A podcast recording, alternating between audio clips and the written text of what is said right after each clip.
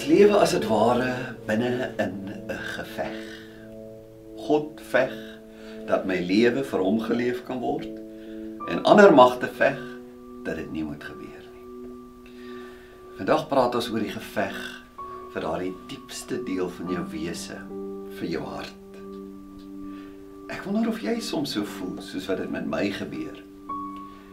Dat ehm um, daar kom tye dat um, ek sukkel om die diepste deel van my wese net vir die Here eenkant te hou.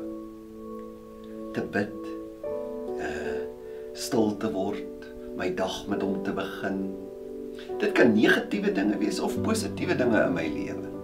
Iets waarna baie uitsien is asof dit 'n sentrale plek in my wese in besit wil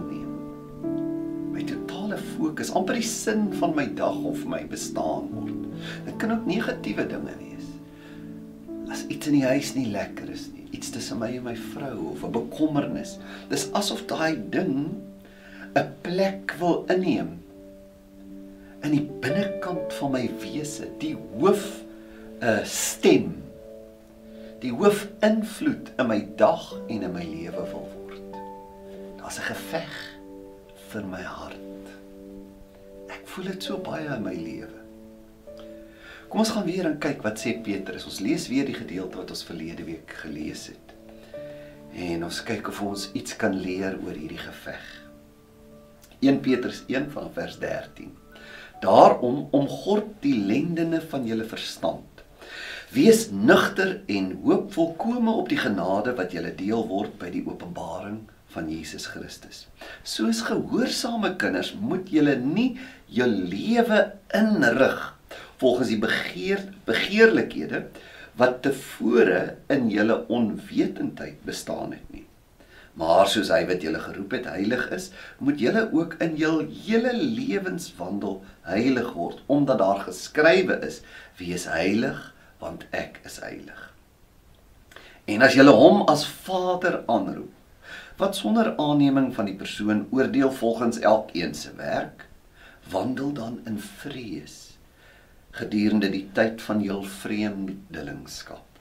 Omdat jy weet dat jy nie deur verganklike dinge, silwer of goud losgekoop is uit jou ydelle lewenswandel wat deur die Vaders oorgelewer is nie, maar deur die kosbare bloed van Christus soos van 'n lam sonder gebrek, gebrek en vlekkeloos wat wel vooruitgeken is voor die grondlegging van die wêreld, maar in hierdie laaste tye geopenbaar is om julle ontwil.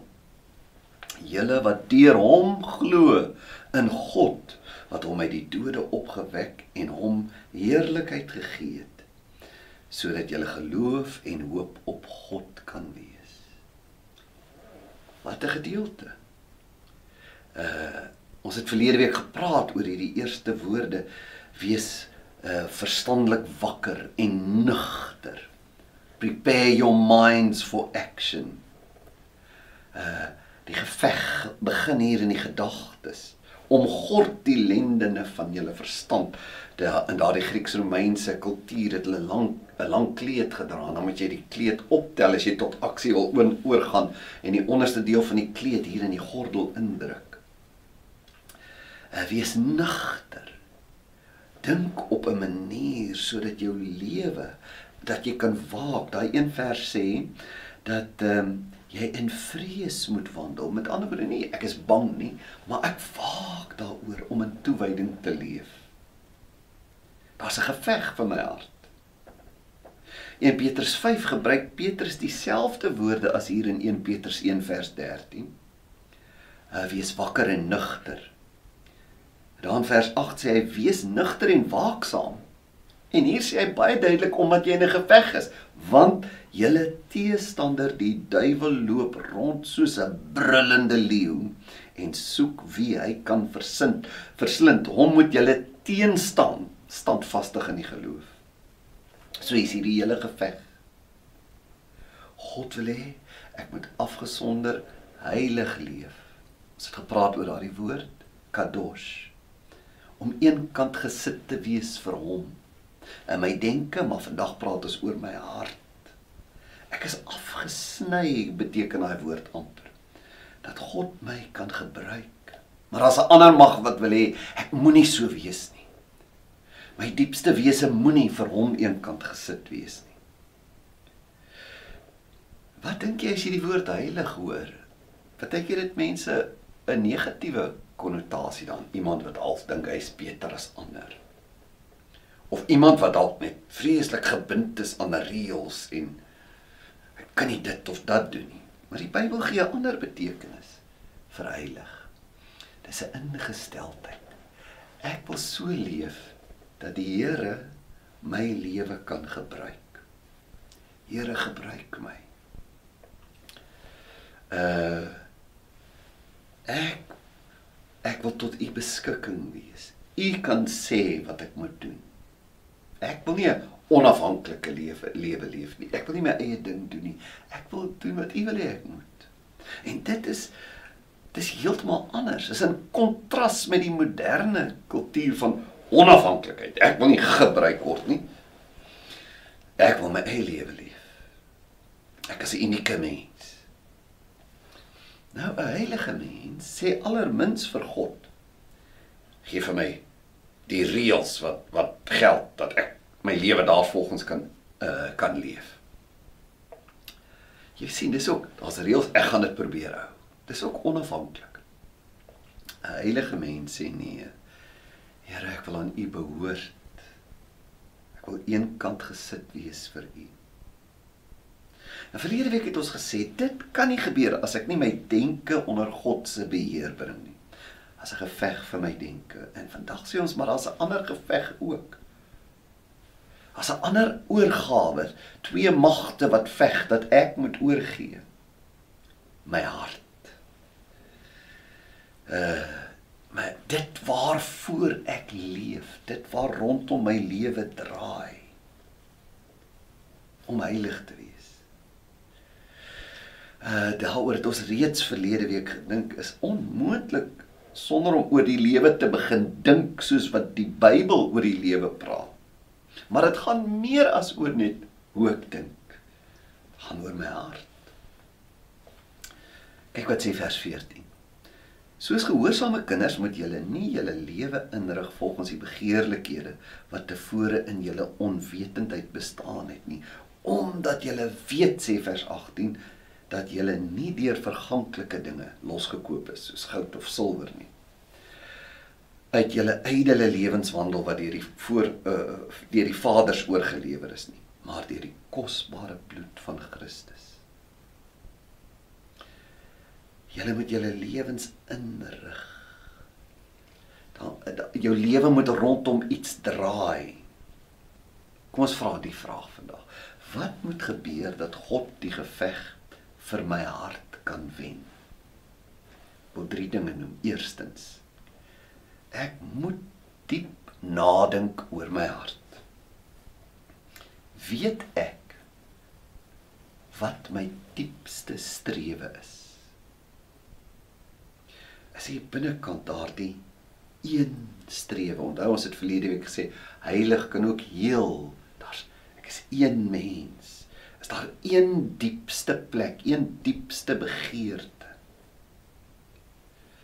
Uh Verlede week het ons gedink oor hierdie mistasting dat ons net weer onsself daarin grond dat ongelowige men, mense meen gelowiges glo omdat hulle nie denkers is nie. Dis hoekom hulle glo want hulle kan nie rasioneel leef nie. Hulle het 'n emosionele geloofsprong gemaak. En 'n ongelowige sal sê omdat ek 'n denker is, is geloof nie vir my 'n opsie nie, maar Petrus sê die teenoorgestelde is waar. Wat ons nou net gelees het. Soos gehoorsame kinders moet julle nie julle lewe inrig volgens die begeerlikhede wat tevore tevore in julle onwetendheid bestaan het. Petrus sê aan sy lesers: Laat dit wat julle as gelowiges se lewe bepaal, waar rondom jou lewe draai, wat jou hart bepaal wat jou lewenswaardes bepaal 'n oortuiging wees dat jy God se kind is. Dit moet wees waar rondom jou lewe draai. Ek behoort aan God as sy kind. En dan sê hy hierdie woorde en nie die onwetendheid van jou vorige lewe as 'n ongelowige nie. Met ander woorde, Petrus sê dat die mense wat nie hierdie oortuiging het dat die hoofsaak van my lewe is om as kind van God te leef nie, is onwetend. Hulle is die wat nie reg dink nie, onkundig, onnadenkend is. Want hulle weet nie, soos wat 'n kind van God behoort te weet, wat dryf my lewe, waaroor gaan my hart nie. Hulle weet nie wat hulle lewe se eintlike dryfveer is nie. Kom ek probeer verduidelik. Sê nou ek vra vir iemand um, wat 'n ongelowige is, sal ek graag hê jy met alle planne vir môre middag kanselleer want jy moet die middag saam met my deurbring. Ek is doodseker hy sal sê nee nee, ek wil weet hoekom. Wat is die sin daarin? Wat gaan ons doen? Nou as jy wil weet wat die sin daarin is in hoe jy een middag van jou lewe deurbring. Hoeveel te meer behoort jy nie te kan sê wat die sin van jou hele lewe is nie. Maar vra vir so 'n persoon wat nie glo nie. Wat die sin van sy lewe is. Waaroor sy hart regtig gaan. En hy sal dit nie regtig rasioneel kan verwoord nie. Die meeste sal dit ontduik. Hy sal dinge sê, maar as jy hom daarop druk, dan gaan hy sê, ja, is miskien nie regtig dit nie. My werk, my loopbaan, selfs my gesin. Maar as jy hom dan vra, maar hoe kan jy sê dis waaroor jou hele hele lewe draai? Dis die sin van jou lewe, dis die hart van jou lewe. As jy nie glo daar's 'n God nie, want as hierdie lewe tog verby is, wat help dit jy het al hierdie goed gedoen? Wat help dit jy het gedink jy het 'n nalatenskap as alles net gaan vergaan? Uiteindelik is die kinders waarvoor jy geleef het ook dood en die wêreld het vergaan en daar is nie 'n God nie sien as jy op daai punt kom, dan sal so 'n persoon wegskram en sê man, ek wil nou nie eintlik godsdienstige dinge met jou praat nie. Maar jy wil nie eers een middag met my deurbring sonder dat daar sin in is nie. As dit so is dat daar geen God is nie. Dat jy sal doodgaan en dat alle mense uiteindelik sal doodgaan, dat die aarde, die son gaan uitbrand en die aarde gaan ophou bestaan en alles sal net verby wees. Waarvoor het jy dan gewerk? Maak nie saak hoe jy daai sin beskryf nie. Dit is sinneloos. Wat 'n verskil het dit gemaak? Of jy liefgehad het of gemoor het, is om dit ewe uiteindelik. Die vraag is, het jy werklik gedink oor die sin van jou lewe, dit waar rondom jou hart draai? Maak dit regtig sin om daarvoor te leef as daar nie 'n God is nie? Het jy al gedink oor waarvoor gee jy jou lewe en hoekom? As jy nie wil glo nie. Het jy al gedink oor die dinge wat jy dalk sê, maar ek leef vir waardes? Hoekom sê jy wreedheid byvoorbeeld is verkeerd? Ek moet lieftallig wees, want ek weet dit nie. Maar daar was ander, soos Hitler, wat net geweet het dat dit goed sal wees om wreed te weer wees oor teenoor sekere mense. Wat maak jou, ek weet net, beter of meer gesaghebend as iemand anders se? As jou die ding waar rondom jou lewe draai net subjektief is wat jy nou maar kies. Maak dit sin? As daar nie 'n hoër gesag is waarop jy jou wete waarvoor jy leef nou. Jou lewenssin, jou hart se oortuigings baseer nie. Hoe kan jy dit rasioneel verwoord en sê dit het werklik sin? Want dit het nie sin as alles net sal vergaan en daar nie 'n God is nie. Jy leef nie vir sin dan nie. Dis hoe Petrus sê. Voordat jy geglo het, het jy jou lewe in onwetendheid.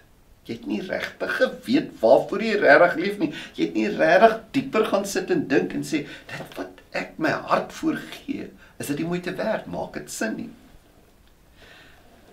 Dis verbasend. Petrus sê ongelowiges uh, ongelowiges sê ja, gelowiges maak 'n geloofsprong. Hulle dink nie regtig nie, maar Petrus sê die teenoorgestelde is die waarheid. 'n Ongelowige leef in onwetendheid oor waaroor sy lewe, die sin van sy lewe regtig gaan. Maar 'n gelowige, as jy hom sou vra, wat is die Christelike idee van die sin van my lewe? Hier sal die korrekte antwoord wees. Ek het gehoor van 'n man wat 2000 jaar gelede geleef het. Hierdie man Jesus Christus het daarop aanspraak gemaak dat hy God is, dat hy bestaan het voor Abraham bestaan het, dat hy voor die skepping bestaan het, dat hy ewig is. Talle mense het verklaar, vertel dat hy uit die dood opgestaan het en daar was 500 ooggetuies wat verklaar het hulle het hom gesien. En van die beste bewaarde dokumente in die geskiedenis van die wêreld vertel hiervan, skryf hieroor. Ek het gedink oor hierdie inligting wat die geskiedenis my gee. Ek het dit geweeg tot die konklusie gekom indien hierdie inligting waar is indien Jesus Christus God is God die seun. As hy weet wat reg en verkeerd is as hy sê hy wil mense na hom toe trek wat hy wel gesê het dan moet ek dink want dan is ek vir 'n verhouding met hom gemaak. Dis waarvoor ek in hierdie wêreld is. Dan kan net hy bepaal wat my lewe se dryfveer moet wees waaroor my hart moet gaan waaraan ek my diepste wese moet oorgee wat die sin van my lewe moet wees wat die kern van my hart my wese moet wees. Jy sien 'n gelowige se antwoord is die resultaat van diep dink oor 'n feit uit die geskiedenis en wat ek met daardie feit doen, die feit van die lewe en die boodskap van Jesus Christus. Jesus se beskrywing van die sin van die lewe. 'n Gelowige het nagedink oor die boodskap, oor die hart waarvan Jesus kom praat het. Hy het rasioneel oorweging daaraan geskenk. Stem ek saam met wat Jesus sê wat die rede vir elke mens se bestaan behoort te wees. Stem ek saam met wat Jesus sê wat my hart moet beheer, wat die sin van die lewe is, van my lewe, van my bestaan is. Gelowige sê ek het gedink, dis wat Petrus sê. Ek het hierdie man se verduideliking gehoor, daaroor gedink en ingesien en op die proef gestel. En ek het gevind sal met miljoene mense in die geskiedenis dat om 'n verhouding met Jesus, met God deur Jesus, die kern van my hart, die sin van my lewe te maak, dieselfde effek op my het as op hulle wat deur eeue daaroor geskryf het en op talle ander mense wat ek ken wat vir dieselfde sin van die lewe leef. Dis wat Petrus sê. Uh laat hierdie kern oortuiging jou lewe begin bepaal. Rig julle lewe in soos kinders. Ek leef om 'n verhouding as 'n kind van God te hê. Terwyl Petrus sê ongelowiges rig hulle lewe in onkunde in. Hulle weet nie dit ware wat hulle sê is die kern van hulle lewe kan nie regtig rasioneel verantwoord word nie. Hulle het geen greep op wat werklik in hulle diepste wese is nie. Hulle kan dit nie regtig verklaar verantwoord en sê dit maak sin dat my hele lewe daaroor moet draai. Uh ongelowige het nie 'n greep op sy hart nie. 'n Lewe sonder God is 'n lewe sonder die heel belangrikste insig. Waarvoor leef ek werklik? Wat is die sin van die lewe? Is 'n lewe in onkunde oor sin en betekenis, 'n onkunde oor die hart. So dis die eerste vraag wat ons uh, eerste ding wat ons sê.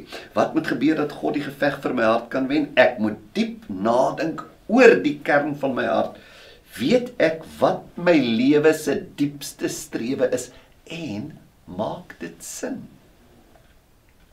Tweedens, ek moet diep nadink oor die invloede van my hart. Word my lewe deur nabootsing eerlike selfondersoek gerig? Kan dit ook so stel? Bepaal menslike invloede of ewige invloede my lewe? Kyk wat sê vers 18, omdat julle weet dat julle nie deur verganklike dinge silwer of goud losgekoop is uit julle ydelle lewenswandel wat deur die voorvaders oorgelewer is. Praat hy van twee soorte lewe. Lewens. Die een soort lewe sê hy word bepaal deur wat aan jou oorgelewer word. Uh die ander soort lewe word deur onverganklike dinge bepaal om jou lewe nie te laat bepaal deur wat aan jou oorgelewer word nie. Jou lewe boots nie ander lewens of idees klakkeloos na nie. Dit word nie bepaal deur die invloed van die samelewing, die kultuur of jou familie ensovoorts nie. En dit bring ons by nog 'n mistasting. Uh 'n ongelowige mens sal sê ek is nie 'n godsdienstige mens nie omdat ek nie konformeer nie. Ek leef soos ek wil. Ek wil autentiek en uniek my eie lewe leef, soos wat vir my reg en goed is. Petrus sê, "Ook dit is nie waar nie." Net soos wat die ongelowige sê, omdat ek 'n denker is, kan ek nie glo nie. Net so sê Petrus. Uh om te sê ek ek kan nie glo nie want ek wil nie konformeer nie, is presies nie die waarheid nie.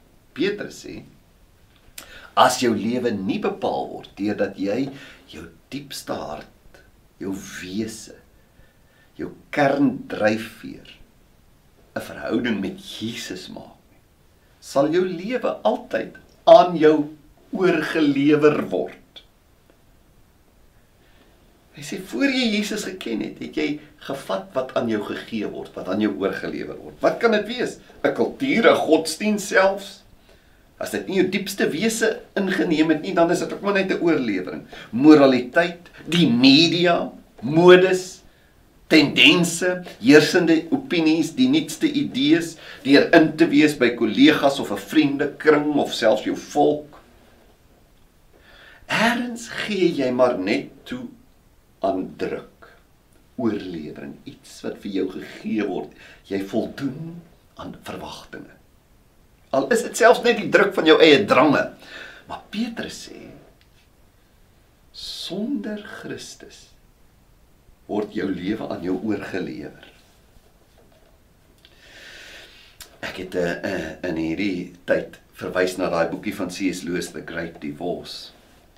Daar's 'n illustrasie daarin, 'n man wat sy geloof verloor het op universiteit. Omdat hy kwansuis begin dink het. Onthou nou die boekie is onthou ek het daarna verwys. Dis nou mense na die dood wat nou dis net 'n illustratiewe boek.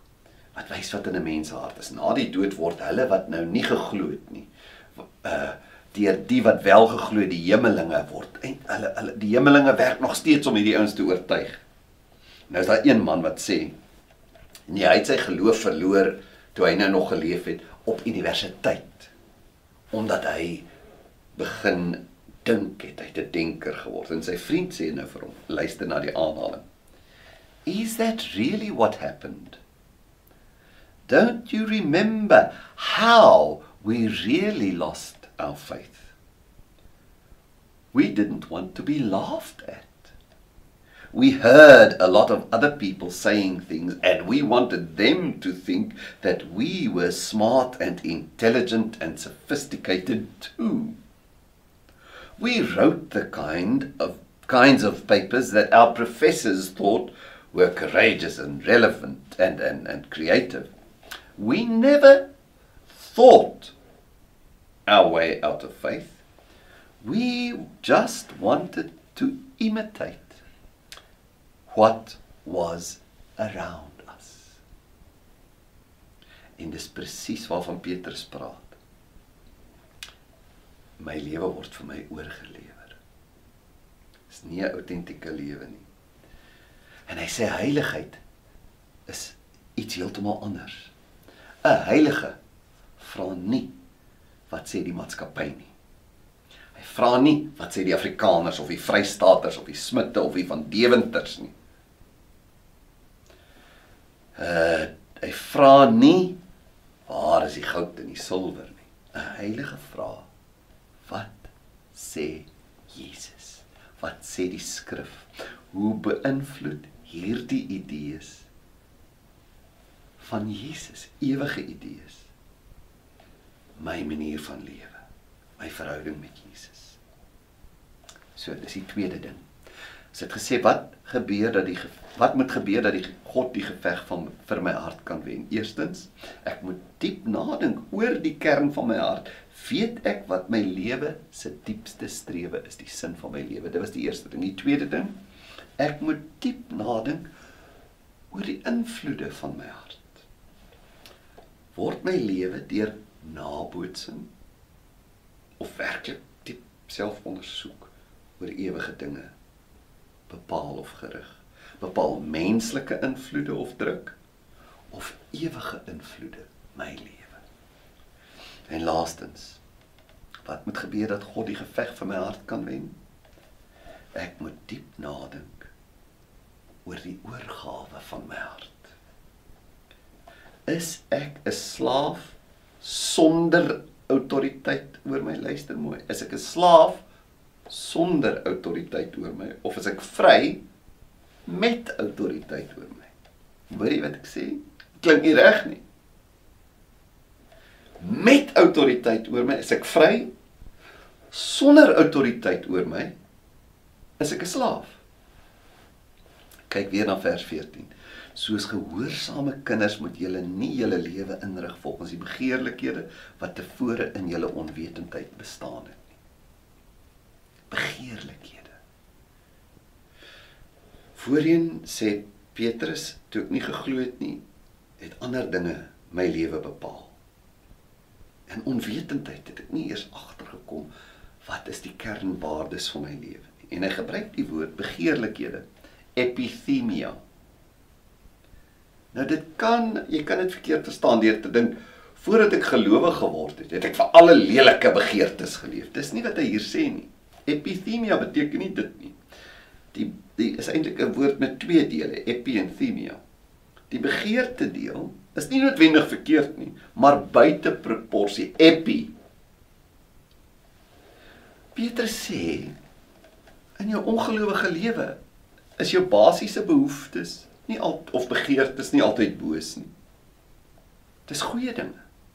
Soos ek wil bemind wees. Ek wil veilig wees. Ek wil kan eet en drink, ek wil kan ontspan om te presteer intimiteit, aanvaarding, vriendskap, seksuele intimiteit. Petrus sê in jou vorige lewe is dit nie noodwendig lelike verkeerde begeertes waarvoor jy geleef het nie. 'n Onheilige lewe is nie noodwendig 'n lewe wat deur sonde of bose begeertes gedryf word soos moord en roof en bedrog nie. Hy sê eerder Voorheen het die gewone goeie behoeftes of begeertes, begeerlikhede van mens wees julle lewe gedryf. Goeie begeertes, maar epi. Hulle het 'n plek in julle lewe ingeneem waarvoor hulle nie bestem was nie. Hulle het te belangrik geword. Wat sê Petrus eintlik? Daar is 'n geveg vir jou hart. Wat is dit wat hoofsaaklik sal bepaal of jy gelukkig of vervuld sal wees? Wat is die ding wat waarvoor jy leef wat jy dink dit sal my gelukkig maak? Is dit jou gesin? Is dit romanse, finansiële sekuriteit, gesondheid, jeugdigheid, skoonheid, aantreklikheid, populariteit, aansien? Hy sê, voor jy God die middelpunt gemaak het, was een van daai goed of 'n kombinasie daarvan waarvoor jy eintlik geleef het. Nie slegte goed nie, maar goeie goed in die verkeerde plek van jou lewe in jou hart. En dit het eintlik in 'n sin jou God geword. Dit waar sonder jy nie gelukkig kan wees nie. Dis wat jy sien, sonder hierdie sal ek dit nie maak nie. Sonder hierdie sal my lewe uitmekaar val as na die egskeiding kan ek nie meer glo nie. Ek wil nie meer leef nie. Jy kan sien want dan het romanse die middelpunt van jou lewe ingeneem. Nou dat ek ongesond is, sien ek kan ek nie meer glo ook nie. Dan was gesondheid in die middelpunt, sekuriteit. Dit was sonder jy voel ek kan nie aangaan nie. Ek is te beangs, die lewe maak nie meer sin nie. En as daar in die raamwerk van jou denke en in die diepste oorgawe van jou hart nie ruimte is vir die idee van die bestaan van God en 'n verhouding met hom as die een stuk sin middelpunt vir jou lewe nie vir jou hart nie. As daar nie daardie ruimte is nie kan jy net vir epithenia leef vir ander begeertes hulle sal daardie vakuum vul as jy nie vir God ruimte maak nie is daar 'n vakuum wat deur ander begeertes, selfs goeie begeertes gevul sal word. Buiten die idee van 'n verhouding met God, oorgawe van jou diepste wese aan hom as die sin van jou lewe, gaan ander goed inkom.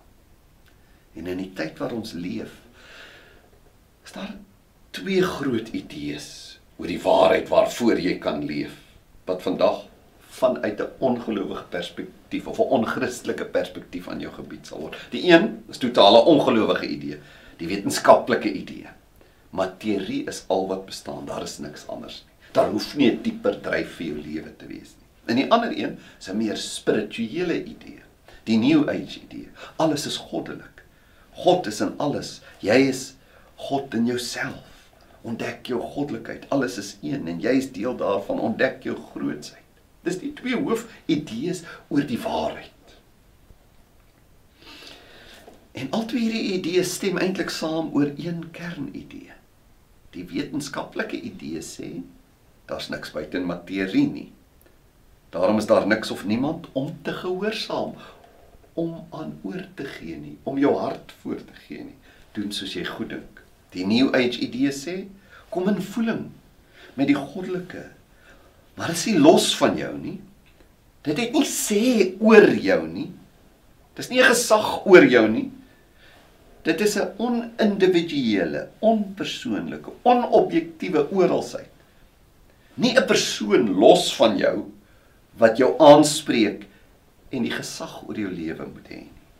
Jy sien beide idees maak gehoorsaamheid oorgawe die oorgee van my hart aan 'n hoër gesag, 'n groter sin oorbodig. Maar die God van die Bybel, die God waarvan Petrus praat, veg vir jou hart. Hy vra jou hart. Hy vra jou oorgawe soos die hart van 'n gehoorsame kind sê Petrus. Hy's my Vader. Gee aan hom oor. Kom ons dink daaraan so, terwyl ons na die einde van die boodskap toe gaan. 'n Kind is nie gehoorsaam om 'n kind van sy ouers te word nie. 'n Kind is gehoorsaam omdat sy ouers sy ouers is. Daar het klaar iets gebeur. Jy kan nie gehoorsaam aan God word sodat God jou aanvaar as sy kind nie. Jy kan slegs gehoorsaam word omdat hy klaar iets gedoen het om jou sy kind te maak. Slawe is bang. Hulle werk om kos en verblyf te verdien. Kinders het klaar kos en verblyf. Dit gee oor omdat ek klaar 'n vader het. Nou sê Petrus so, as jy dink aan die sin van jou lewe, omdat jy weet vers 18 dat jy nie deur verganklike dinge silwer of goud losgekoop is uit julle ydelle lewenswandel wat oorgelewer is nie maar deur die bloed van Christus. Dit weet julle. Daarom kan julle aan hom oorgee. Daarom kan hy die middelpunt van jou bestaan word. Hy het iets vir my gedoen. Ek wonder of jy onthou van Abraham daar Genesis uh 15 sê God vir Abraham ek sal jou 'n uh, nageslag seën deur jou seun Isak. En dan is daar 'n verskyning van God as hulle verbond sluit met 'n dier wat geslag is in stukke. En God beweeg tussen die stukke, 'n dramatiese oomblik en sê Ek sal jou seën en as ek nie my belofte hou nie, sal ek geslag word soos hierdie dier. En jare later kom God na Abraham toe en hy sê: "Onthou jy daai seun deur wie ek my seun beloof het? Bring hom, maak hom dood." Hoekom is Abraham 'n heilige? Omdat hy nou sommer net onder God se brute krag gesoog het allermins. Hebreërs 11 sê Abraham het gedink, hy het gereken. God kan my seun uit die dood opwek. God sal enige iets doen om sy belofte te hou. Abraham kon God gehoorsaam omdat hy geweet het God is goed. Uh hy het, hy het daarop gereken uh, sê Hebreërs 11. Daaroor het hy gedink. Abraham was heilig omdat God sy hart besit het. God is goed. Ek kan my seun gee. Hy's nie die middelpunt van my bestaan nie, maar ek vertrou God. Isak is nie waaroor my lewe draai nie, God is. Is daar iets in jou hart bo God?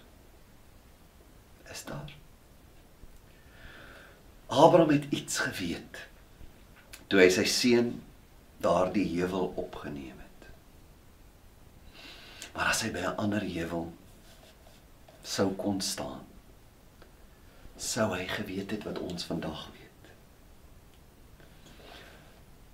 Asof God vir hom sal sê Abraham, weet jy hoekom dit uiteindelik nie nodig was dat jy jou seun doodmaak nie?